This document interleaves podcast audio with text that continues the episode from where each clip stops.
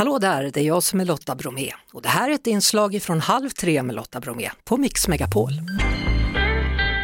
Py Bäckman, välkommen tillbaka till Halv tre. Ja men tack så mycket. Du, ditt namn, Py Marie Elisabeth Ulrika Bäckman Wennerborn, Ja. vad är det frågan om? Jag vet. Nej, alltså, först de här tre första namnen, det, det är bara vad jag heter. Och sen så hette jag också Wennborn men jag ville inte ta bort Bäckman.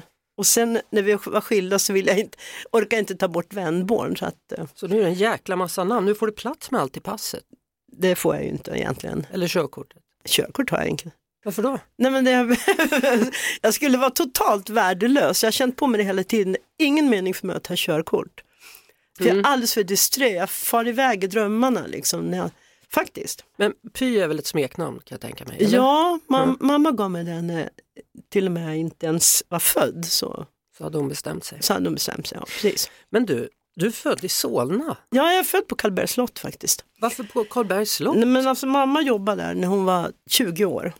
Hon bodde i en av flyglarna till slottet och när hon skulle in och föda mig så fanns det inte plats på BB. Oj, Och då kom det en barnmorska eller läkare och hjälpte henne då, så jag är född där. Och därför är jag också döpt till Ulrika, för Ulrika Eleonora bodde ju på det där slottet. Mm. Ja. så hon, hon var verkligen, hon hade räknat ut allting. ja, hon har räknat ut det. Vad händer sen då? För du växer ju inte upp där utan du växer upp i Hälsingland. Mm, precis. Jo, mormor och mamma kom ner och så hämtade de mig i en mangelkorg som man la lakan och grejer i. Och åkte till Iggesund för de tyckte det var mycket tryggare att jag skulle växa upp där. Och det håller jag med om. Väldigt blomstrande litet samhälle på den tiden då. Ungefär som Astrid Lindgren skulle ha hittat på miljön. Liksom. Du har inte nämnt din pappa. Vem Nej. var han egentligen? Ja, en snygg jäkel. Jag har sett honom nu på bild faktiskt.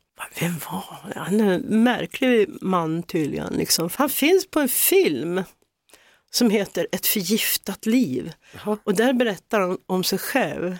Men han var en sån här pappa som, som försvann och det var först på senare år du fick kontakt med honom? Eller? Aldrig.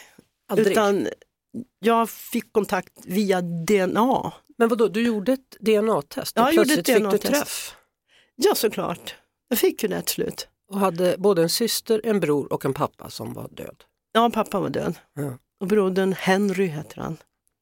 Och eh, även min syster som tyvärr då dog i galopperande lungcancer. Väldigt snabbt gick det. På en månad var hon borta sen hon fick diagnosen. Så hon kunde berätta väldigt mycket om min pappa i alla fall och det var ju värdefullt. Vad, vad gjorde det med dig att du fick liksom i alla fall en bild av honom, vem han var? Jag tror att det, det förklarar ganska mycket hos mig också. Hur det är så ärver man ju sina föräldrar även om man inte ens vet var de är någonstans eller hur de vet. Han skrev väldigt bra. Så det här med texterna kan ha kommit från honom lite då? Eller? Det skulle kunna, skulle kunna ha gjort. Men jag har fått en del skrifter som han har lämnat efter sig och de är otroligt snyggt formulerade. Liksom. Mm. Mm. Det är ändå intressant det där att man kan börja liksom para ihop små bitar av sig själv och sin historia. Ja men exakt, precis. Och att man inte bara flyter omkring. För att det är många också som har så här fader okänd bakåt i släkterna. För Ja. det var ju så förr i tiden att det var inte riktigt bra. Nej, så var det ju, Ja. verkligen. Fader okänd och det var och på ett sånt där litet samhälle där jag växte upp så var det ju inte så bra att vara oäkting. Liksom. Men eh, jag lärde mig att det var inget då- dåligt. Nej men oäkta barn, hur ser det ut liksom? Jag tyckte jag såg äkta ut i alla fall, jag ser ut som ett barn. Så det spelar ingen roll om jag är ett äkta barn liksom. Jag tänker på det här med dina texter. Mm. Alltså, de är vackra. Tycker du? Ja, Gabriellas sång till exempel, vem älskar inte den? Ja, ja men det är jätteroligt att den blev så lyckad. Och sen har den filmen också, hela filmen är ju som en video till den här sången när den äntligen kommer. Så det är ju perfekt. Stad i ljus. Mm, Och det är väl egentligen den enda melodifestivallåten som har blivit en psalm va? mm. Jo det är det, verkligen. Hur gick det till? Ja, på grund av den och en annan sång som heter Koppången hade testats för de älskar den men kunde inte vara med för att den är lite elitistisk att sjunga. Den För svår? Ja, Mm. den är för svår. Eh, Stadius ansåg de att jo, men det, det kan folk sjunga och det har ju visat sig sedan att folk sjunger den på nattklubbar innan de stänger och, och sådana där grejer. Mm. Så att de kontaktade mig från Svenska kyrkan och undrade om jag inte ville följa med dem till Italien och skriva psalmer på en sån här vecka Jaha. tillsammans med en 30 andra både musiker och poeter och så vidare från Norge, Sverige, Danmark och Finland. Vilket jag tackade ja till då. Jaha. Och där skrev jag bland annat en annan sång som är med, som blev en dopsång som heter Lilla Liv. Nu är det dags igen faktiskt. Jaså? Ja, nu är det inlämning. För nya psalmboken. Jaha. Har Mm. du skrivit lite mer psalmer nu då? Jag har gjort det hela tiden. Jag sjunger kanske i 400 kyrkor med, med mycket lokala körer och så vidare. Mm. Och gjort väldigt mycket just i körerna. Men, men din tro då, hur ser den ut? Jag tycker nog att jag borde tro på någonting som är väldigt bra istället för allt som är negativt. Det är väl någonting som håller en uppe, antar jag. Kärlek. Och den riktiga kärleken liksom. Den som inte söker sitt, helt enkelt. Men, men kallar du dig för troende? Kallar du dig för kristen eller vad? Ja, alltså det, man kan kalla det vad som helst. Det finns väldigt många som kallar sig för kristna men som absolut inte är det när det kommer till handling. Och det är tråkigt. Det är jättetråkigt. Det är mycket, mycket krig där Mm. runt omkring Gud och, och Gud är så mycket större än allting. Vad spännande då att du, att du fortsätter att skriva psalmer. Det är många som använder också Stadie ljus på sin begravning. Ja, man. jo, och jo, även absolut. Gabriellas sång. Ja, faktiskt. Och Stadie ljus används också på fotbollsmatcher. Ja, När Sverige har vunnit en match, ja gula väggen. ja då du. Ja, jag vet. du. En sak som förvånar mig som inte jag visste är Mhm. att du har ju faktiskt översatt musikaler också. Mm. Både Vita och Chicago. Ja, men det är ett sånt där jättejobb. Så man fattar inte när man har tagit på sig det. Vad otroligt jobbigt det är. Nej. Det är ju maratonskrivning liksom. Men det måste vara svårt också för du ska ju ha svenska ord som är sjungbara. Ja, det måste ju gå bra ihop med melodin. Mm. Och sen på Chicago till exempel, då, då gör man ju till och med rörelser ihop med orden. Koreografin är så över hela världen. Ja. På den till exempel, va? för de vill ha, det är det här som gäller, liksom, säger amerikanerna. Då, liksom. Mm. Och då kan man ju inte sjunga, skriva mun när de pekar på ögonen och vice versa. Som ett exempel bara. Liksom. Ja.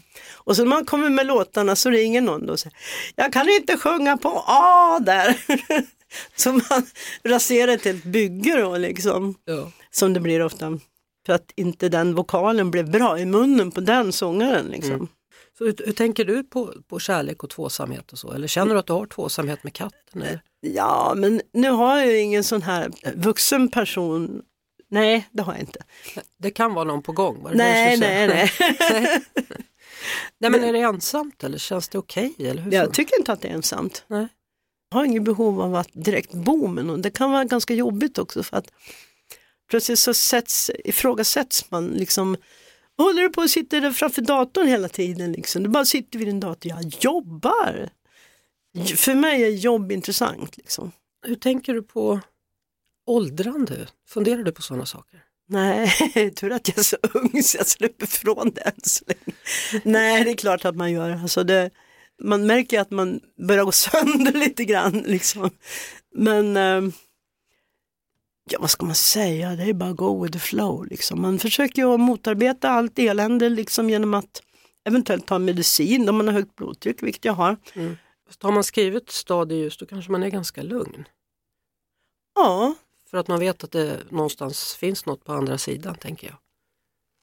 Ja, man kan ju alltid hoppas. Och sen om det inte är det, då spelar det ingen roll, för att då vet ju inte jag någonting. Det är bara att dra ur kontakten liksom. Ja.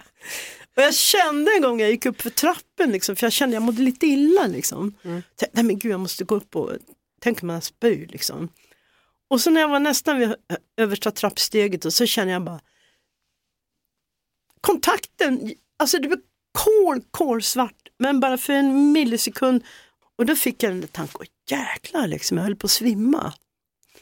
Och kanske är så där när man dör liksom. Totalsvart liksom. Då är det väl kanske inte så himla jobbigt ändå då. Antingen ljusnar det eller också fortsätter det bli svart, men det vet ju inte jag om. Det är döden för mig. Fast nu lever jag så att eh, det där med åldrandet, det, det kan ju reta en ibland i och för sig. Men eh, På vilket sätt? det blir papphammar utav alltihop ibland. Man ramlar och håller på liksom. Går på stolpar, snubblar på trappor och Ja. ja, det blir fult det man gör. Inte alls graciöst överhuvudtaget. Nu har du varit med ett tag. När du tittar på branschen, Mm. vad tänker du idag? Du har ju gått igenom liksom allting där kan man nästan säga. Ja, alltså vad jag tänker på speciellt det är ju då att förut blev man rippad av skivbolagen, man fick kanske 3-5% på en platta. Och nu, då är det Spotify. Det är inte procent längre, det är promille liksom. Det är likt sig. För det finns alltid människor som tjänar stålar på vad man gör som kreatör. Liksom. Och man kan ju reta sig på, varför kom jag inte på det här själv? Varför gjorde jag inte så här själv? Liksom? Men det är inte där min, min kreativa lust finns, att tjäna stålar. Liksom. Utan först och främst är det att göra någonting som eventuellt kan bli bestående, eller som jag tycker om själv i alla fall. Och så är det en bonus om det dessutom berör andra då, vilket det ofta gör det, i ditt fall. Det är absolut den största bonusen, verkligen. Du Py Bäckman, vad roligt att du kom förbi och Ja. stort tack för att du ville komma till Halv Ja, men tack snälla för att jag fick komma, verkligen, vad kul att se dig också. Detsamma. Ha nu en riktigt skön jul. Ja men detsamma, okej. Så ses vi på andra sidan nu. Ja, det gör vi. Ja. Ja, det finns alltid en annan sida. Ja, det gör det. Vet du. Ja. Halv tre med Lotta Bromé på Mix Megapol. Ett poddtips från Podplay. I fallen jag aldrig glömmer djupdyker Hasse Aro i arbetet bakom några av Sveriges mest uppseendeväckande brottsutredningar. Går vi in med hemlig telefonavlyssning och, och då upplever vi att vi får en total förändring av hans beteende. Vad är det som händer nu? Vem är det som läcker? Och så säger han att jag är kriminell, jag har varit kriminell i hela mitt liv men att mörda ett barn, där går min gräns. Nya säsongen av Fallen jag aldrig glömmer på Podplay.